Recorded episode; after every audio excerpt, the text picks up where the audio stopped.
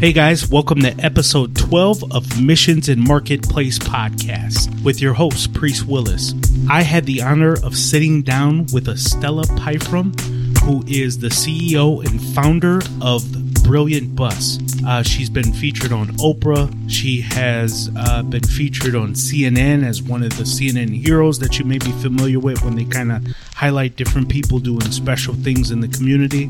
Uh, Estella is actually from Florida. She's a graduate of Florida A&M. She was a teacher, and the Brilliant Bus is actually a bus that is equipped with computers and technology and learning and curriculum for kids in that area in the Florida region to be able to get on literally and drive around and learn. She's actually the driver of the bus.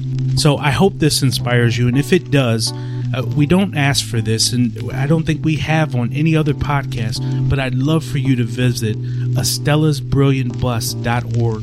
There you will see videos with her when she was featured on Oprah, CNN, and all these other places. You'll be able to see the companies that she partners with, like Microsoft and Home Depot and local organizations within Florida. You can also have a chance to play a part in this movement by donating. So again, go to estellasbrilliantbus.org, take a look at it, enjoy it, and without further ado, here is Miss Estella Pyfrom. Welcome to Missions and Marketplace Podcast. Join us as we talk to business and thought leaders to discuss their passions in and outside of business and how it drives them to give and be citizens of goodwill. Let's get started. Estella, welcome to the program. Thank you. Thank you for being on here. I'm excited to finally have a chance to talk with you. I know that you and I have been talking a little bit leading up to this, but you know, everything that I've read about you, I've been so honored that you, you gave me the opportunity to talk to you because I think what you're doing is so impactful. Just for our listeners that may not be familiar with you, can you tell us a little bit about Estella first? Just give us a little background about you. First of all, Willis, I'm honored to be here and I'm very, very happy that you decided that my story was interesting enough that you wanted to write about it. I grew up in a very small town in western Palm Beach County. It's called Belle Glade and it's basically a farming area. I grew up in the project. I'm one of six daughters of migrant parents and we lived in projects and traveled up the road to uh, harvest produce during the summer months. Uh, started working very, very young, but I learned a lot from my travel to and from the south to the north to work. We learn how to share. We learn how to take care of each other. And at a very, very early age, we learn how to be somewhat independent. And I, I think if I had to live my life again, I would live my life the same way. Wow, that's wow, really that's good. Really good. So, so let's talk a little bit about bit the about Brilliant, Brilliant bus, bus, which is the reason why I asked for you to be on the program today. The Brilliant, Brilliant Bus is an initiative that kind of, and I'll let you talk about it, but it really highlights kids coming on and learning about technology. Tell us about Brilliant Bus and how you got into it. Well, the Brilliant Bus is not just a bus. I hear people sometimes say a tech bus, mm-hmm. but it's really not a tech bus. It is a learning center with technology. Growing up as a migrant, many times we were not able to go into town or into the schools where we can take advantage of many of the services that were, would have been available to us. So as I worked the 50 years in public education, I worked with Title I schools and many of the kids that we worked with in those schools uh, lived in rural or urban areas and many of them did not have transportation to get to, to the schools or the public libraries where the services were. Mm-hmm. So after having worked all of those years, I realized that that was still a great need to be able to reach out to those underserved communities and provide services. Got it. So this is like a mode of transportation to go meet them where they are rather than trying to get them to the school. Yes. Most of the kids who live out in the projects or out in the trailer parks or out of town, uh, I would say truly, uh, the have nots or have less mm. than some of the others who have more and who live closer to the schools where the services are. So how did you fund something like this when you when you first got the idea to um, start this initiative, or in, and I've read places where, and I think it's important that we say this that it's not just a bus, it's not just a tech bus, but it it really is a movement. You're trying to really take education to the kids and take it to people that may not typically be exposed to something like this, which makes it all the more special. But how did you fund something like this? How do you even get started to get this going? I hear people say Estella built, no, Estella outfitted a bus Actually, I did not outfit a bus. I, I got the idea that I needed to reach out in the communities and I couldn't think of anything better than a bus. Hmm. And the reason I chose the bus is basically because as I was growing up, I learned how to drive a bus because my, my dad was a contractor and he had no boys and I was the tomboy. So I was really interested in driving the bus. So he allowed me to drive the bus. Little did I know that I was preparing myself for the Brilliant bus later years, uh, like now. But when I first got the idea of retiring, I was somewhat frightened from the standpoint that uh, I wasn't quite ready to go in seclusion or mm. sit on the back porch mm. and rock. Uh, we traveled a lot when our children were young. So I couldn't think of anything else that I really wanted to do but to continue to stay connected with the communities uh, which I grew up with. Since I was blessed to have good health and I think mentally sound, I wanted to stay connected and provide service to the communities. I took out a piece of paper, sketched out a diagram. I wrote down my plans to make it happen. Now I work my plan. So I can truly say that I'm living my dream. I dreamed of a big, this big idea of being able to take something big out into the communities to make a big difference in the lives of many people. That's good. So you took a lot of your own life savings and investments from other areas and basically funded the initiative yourself, essentially. I did take my own investment. Uh, my dad used to say to us that if you work at something very hard, you can make it happen. And I knew this was a big initiative and I had to create a no failure option, a way that I knew that I would be able to keep that bus, pay for it, and be able to get it out on the road. Mm. And my dad used to always say, failure is not an option. We couldn't fail. We had to work at it until we made it happen. So I worked at this project, been working at it. I say every day, to God be the glory because I'm self-motivated yes. and I know that there are certain things that I have to do and I'm motivated to the point that I work until, I work until until I make it happen. Amen. So, where does this passion for education come from, Estella? Just for you to pour your own life savings and for you to believe in these kids that sometimes society tends to push to the side. Where does that passion come from for education like that and for these kids out there? Well, first of all, my dad used to say to us all, all the time is that you work hard in the fields. And the way out of this is to go to school and get an education. Yes. So he believed in going to school and get educated. My passion, I think, came way back from when I was in the village, in the project. We didn't have very much money when we lived in the projects, but we loved each other. We knew how to take care of each other. And the, the expression, it takes a village to raise a child. That's right. Is a true expression because we learn to support and take care of each other. The village worked together to help take care of all of the children when it was necessary. Where do you see this going, Estella? Do you see other buses in other cities and across the country being established? Where where do you ultimately want to take this?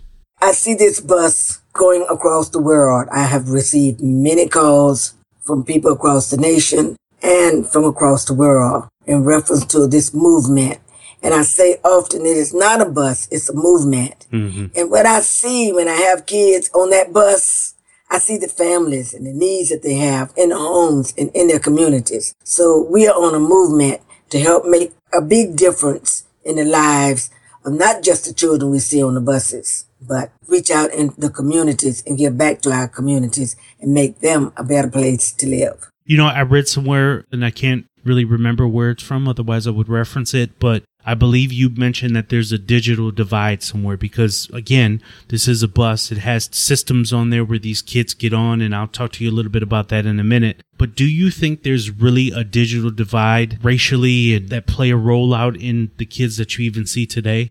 I mean, do you think there's an effect there? There is definitely a digital divide. When it comes to technology, even devices, we ask kids, how many of you have computers at home? How many of you have internet at home? And I would say just even this summer, about eighth of the children that we saw the, the entire summer had any type of technology or internet at home. So this is that division there between those who have and those who have not. Mm-hmm.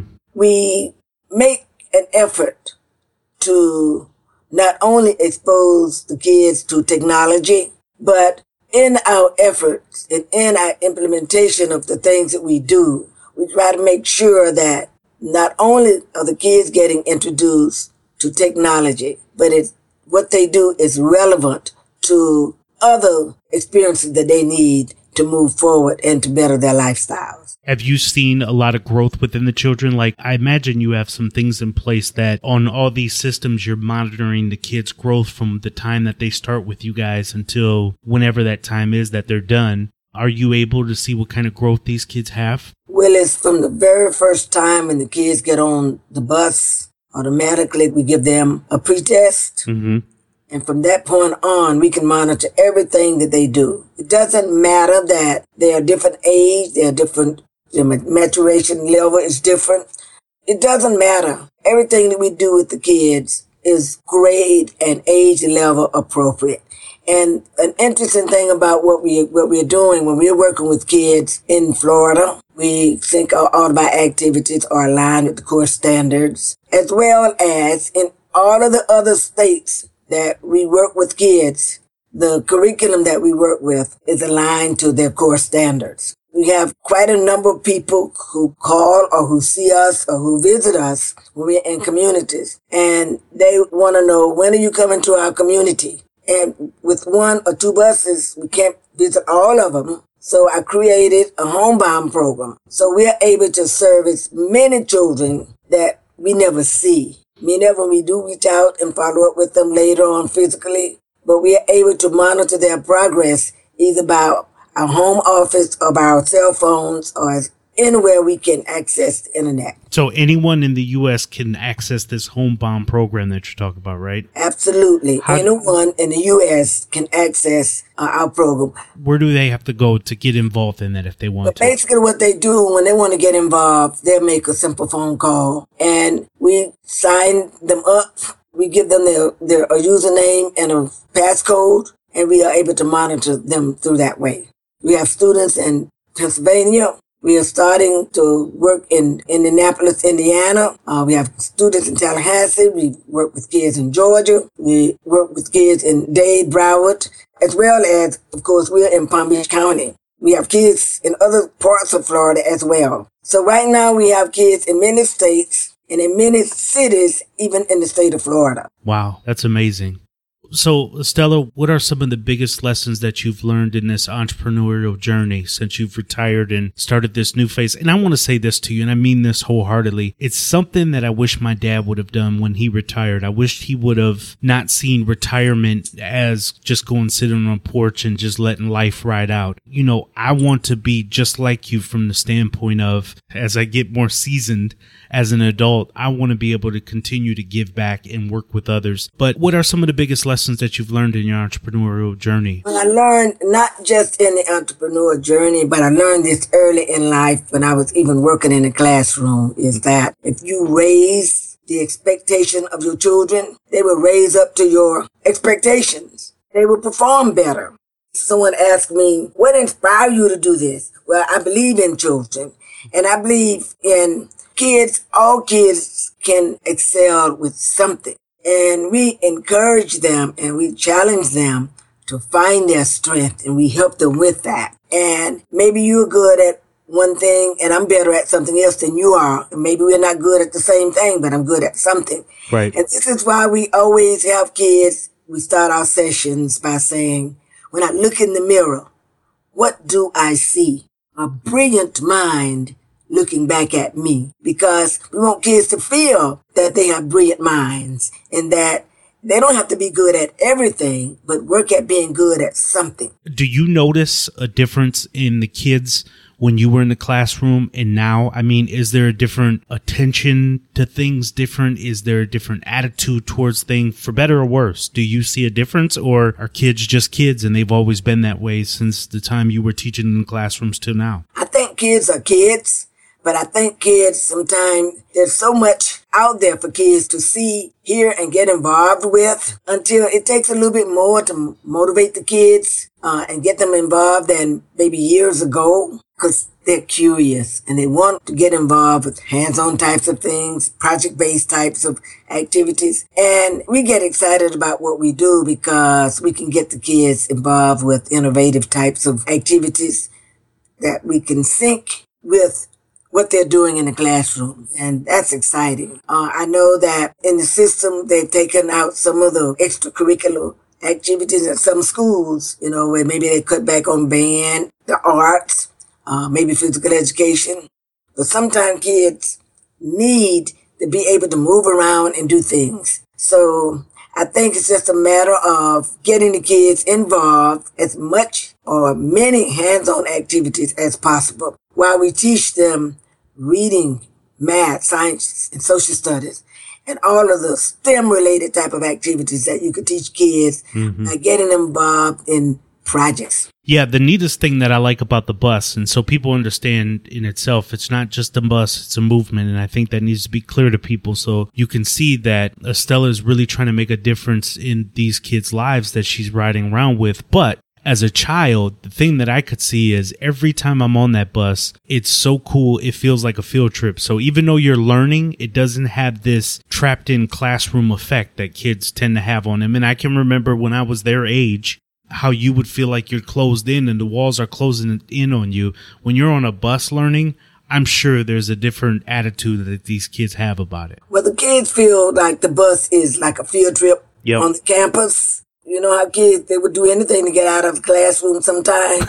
and they just love getting on the bus. Yeah. But one of the things that we pride ourselves in is the fact that we know that we're able to bring some great things to the schools or the area community centers or whatever the organization is that we serve. But we are very collaborative, so we have partners. So when we go into a community or to a school, we bring not only the great things that we bring, but the great things that our partners have to offer as well. What can we look from you in the future? We're going to keep moving in the direction that we are moving in. We're going to keep developing programs in many the cities, not just in West Palm Beach, or not just in the Tri Counties, not just in the state of Florida, across the nation and across the world well, look, that costs money. Your curriculums cost money. The gas costs money. How can people contribute? Is it just going to brilliantbus.com? What are some steps that they can do if people are like, you know, I can't make it to Florida, but I do want to help uh, Miss Estella take it across the world. What are some things that people can do to reach out? We would really love and we appeal to the public to help us with this movement because we have underserved communities all over the nation and people can go to our website to estella's.brilliantbus.org and they can donate. There's also an address on there where if they want to make a check, a tax deductible donation via check, they can mail the check to us. And that address is also on the, on the website.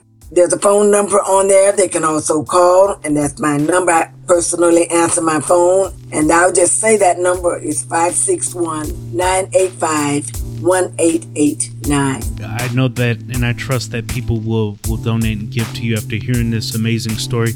Estella, I really appreciate your time, and I really thank you for the difference that you're making in those little people's lives. Thank you. And I thank you very much for having me. So we will keep the wheels on the brilliant bus rolling. We're going to keep making a difference in the lives of many people across the world. Thank you. Thank you for listening to Missions and Marketplace. If you have a brand or business that you want to take online, or you're already online and looking for more exposure, Visit us at affiliatemission.com, the premier affiliate marketing and management agency. Also, feel free to get social with us and check our Facebook, LinkedIn, and Twitter pages and share with us your story on how you're leaving a mark in the world.